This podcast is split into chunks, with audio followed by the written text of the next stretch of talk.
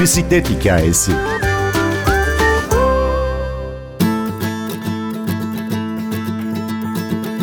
Klasik baleyle bisiklet yarışlarının nasıl bir ortak noktası olabilir ki? Akademisyen ve yazar Kadri Görkem Aka, profesyonel bir dansçıdan bol ödüllü bir bisiklet yarışçısına dönüşüm hikayesini anlatıyor.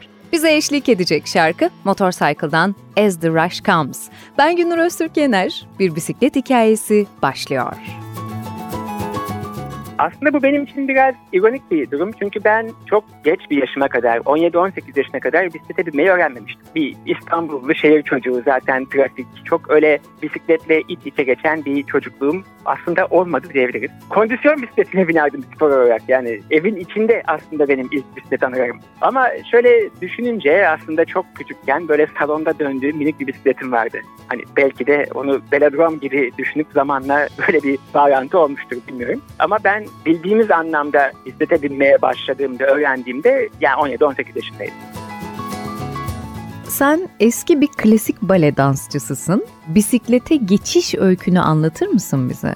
Ben çok uzun süre dans ettim. Aşağı yukarı 16-17 sene bale yaptım. Hem profesyonel dans ettim. Bir süre eğitmenliğini de yaptım. Ama hani maalesef ülkemizde öyle sanat dalları fazla uzun vadeli kariyere çevirmesi mümkün olmuyor. O yüzden belli bir yaşta erken bir emeklilik söz konusu oluyor genellikle böyle sanatlarda. Ben de baleden tabiri caizse emekli olduktan sonra o kadar sene bir disiplinli bir çalışma yapmışım. Vücut böyle bir şeye alışkın. Bir eksiklik hissedip onun yerini dolduracak bir spor, bir uğraş aramaya başladım. Bu da beni dayanıklık sporlarına özellikle bisiklete yönlendirdi. Çünkü pek öyle düşünülmüyor ama aslında klasik bale ile bisiklet sporu arasında muazzam paralellikler var. Mesela ikisi de temelde denge sporları aslında. İkisi de çok kendinizi adayıp disiplinli bir çalışma gerektiriyor. İkisi de sizin hayatınızı fiziksel olarak sefalete ve acıyla doldurup bununla baş edebilmekle ilgili meseleler. Fiziksel açıdan birbirlerine çok benziyorlardı ve ben neredeyse aslında kıyafetler bile benziyor diyebilirim. O yüzden birinden diğerine geçtiğimde aslında çok da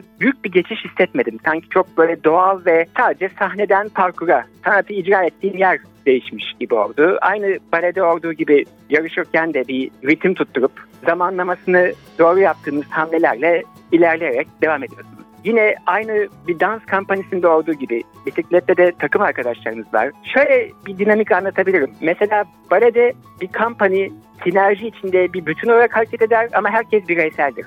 Yani sizin sanatınızı mükemmel şekilde icra edebilmeniz için herkesin doğru zamanda doğru yerde olması, herkesin rolünü çok iyi oynaması gerekir ama sizin çuvallamanızı kimse engelleyemez. Yani siz üstünüze düşeni başka herkesin sizi o konuma getirdiği noktada yapabilmeniz gerekir. Bisiklet de tam olarak öyle. Çünkü aslında bir takım sporu ama geleneksel anlamda beraber kazanıp kaybeden takımlar gibi değiller. Takımlar içindeki bir kişiyi kazandırmaya çalışıyorlar. O açıdan baleyle çok benzeşiyor. Herkes işini doğru yapıp sizi bir konuma getiriyor ve o noktada sizin sanatınızı icra etmeniz gerekiyor ve bir söyleyeceğim son benzerliği de çok uzun süre çalışıp neredeyse kas hafızası haline getirip hazırlandığınız bir şeyi zaman ve performans baskısı altında tek bir şansınız varken icra edebilmeniz gerekiyor. Yani o açıdan sahneye çıkmakla parkura çıkmak arasında çok az fark var.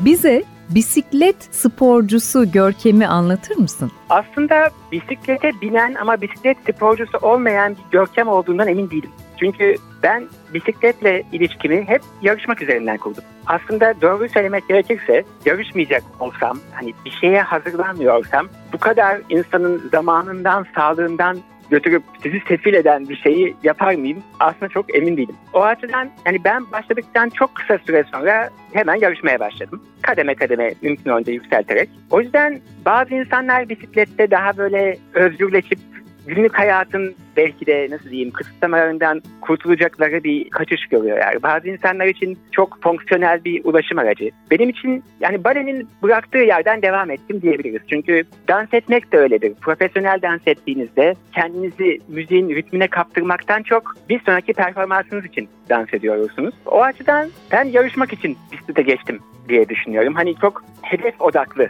bir ilişkim oldu bisiklette. Belki de o yüzden daha çabuk ilerledim. Çünkü hani bisikletin üstüne geçirdiğim her dakika bir sonraki hedeflediğim yarışta yapmam gereken şeyi yapabilmekle ilgiliydi.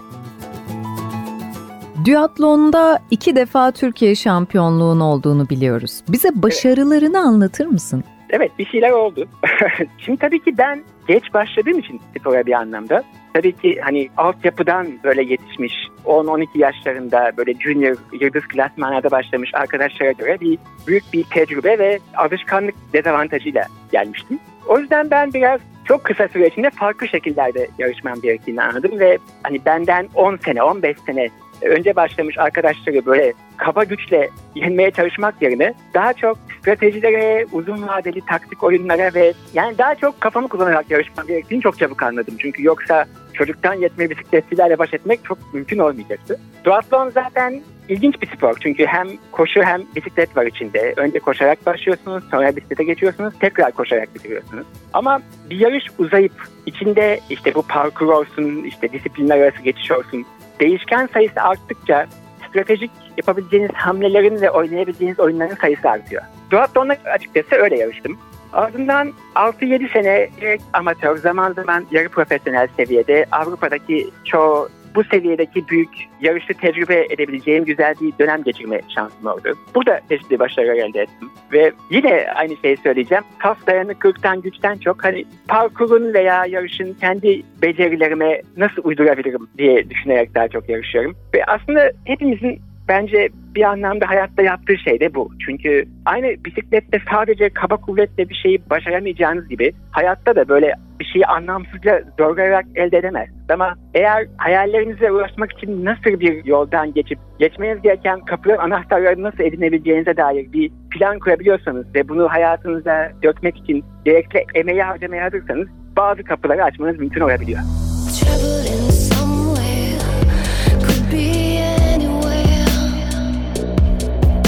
Bize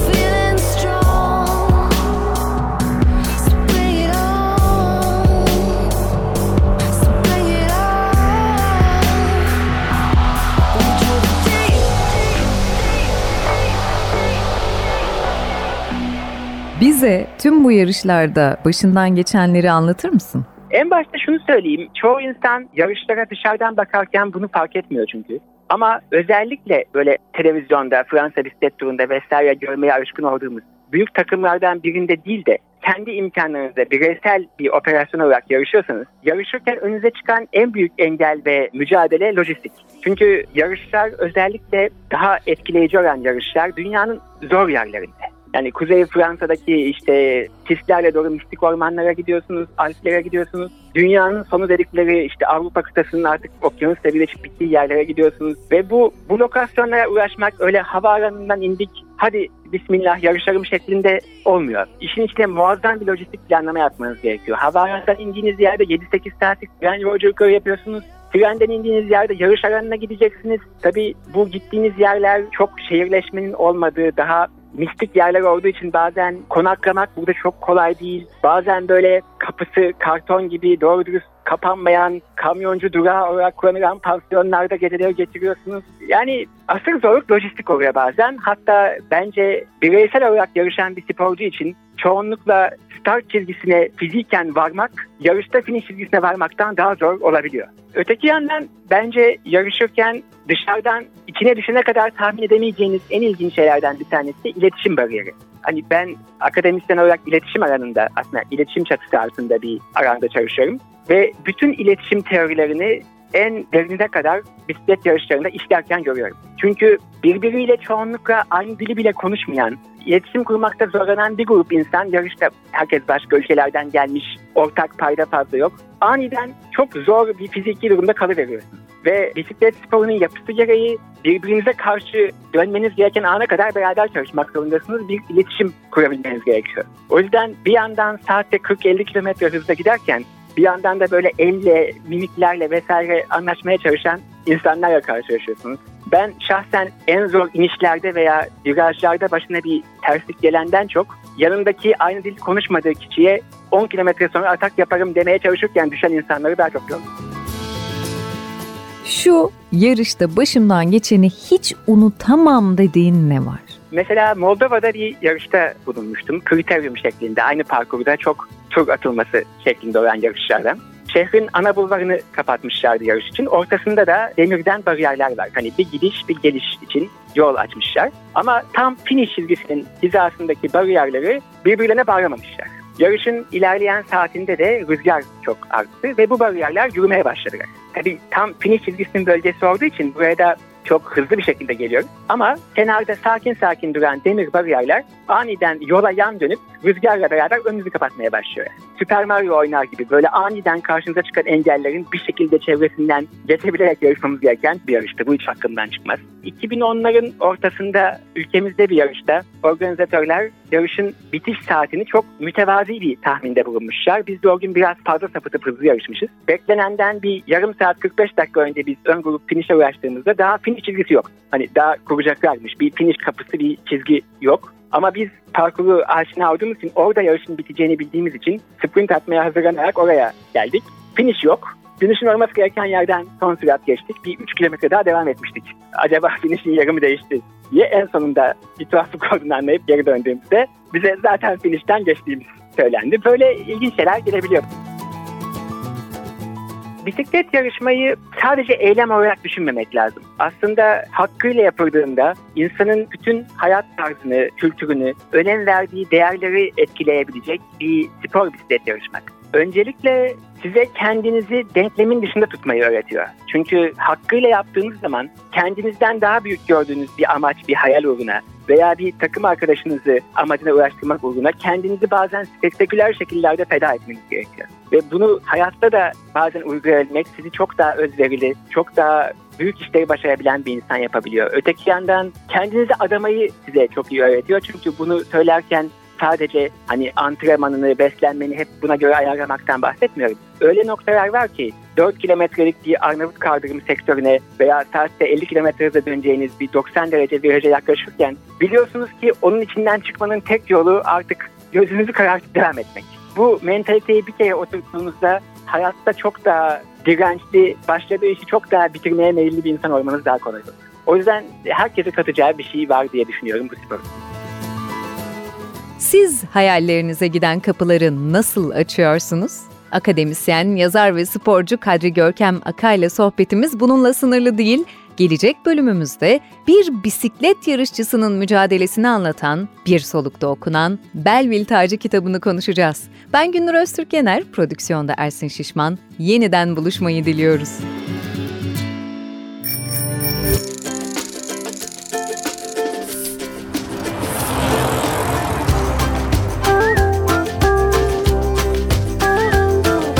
Bisiklet hikayesi.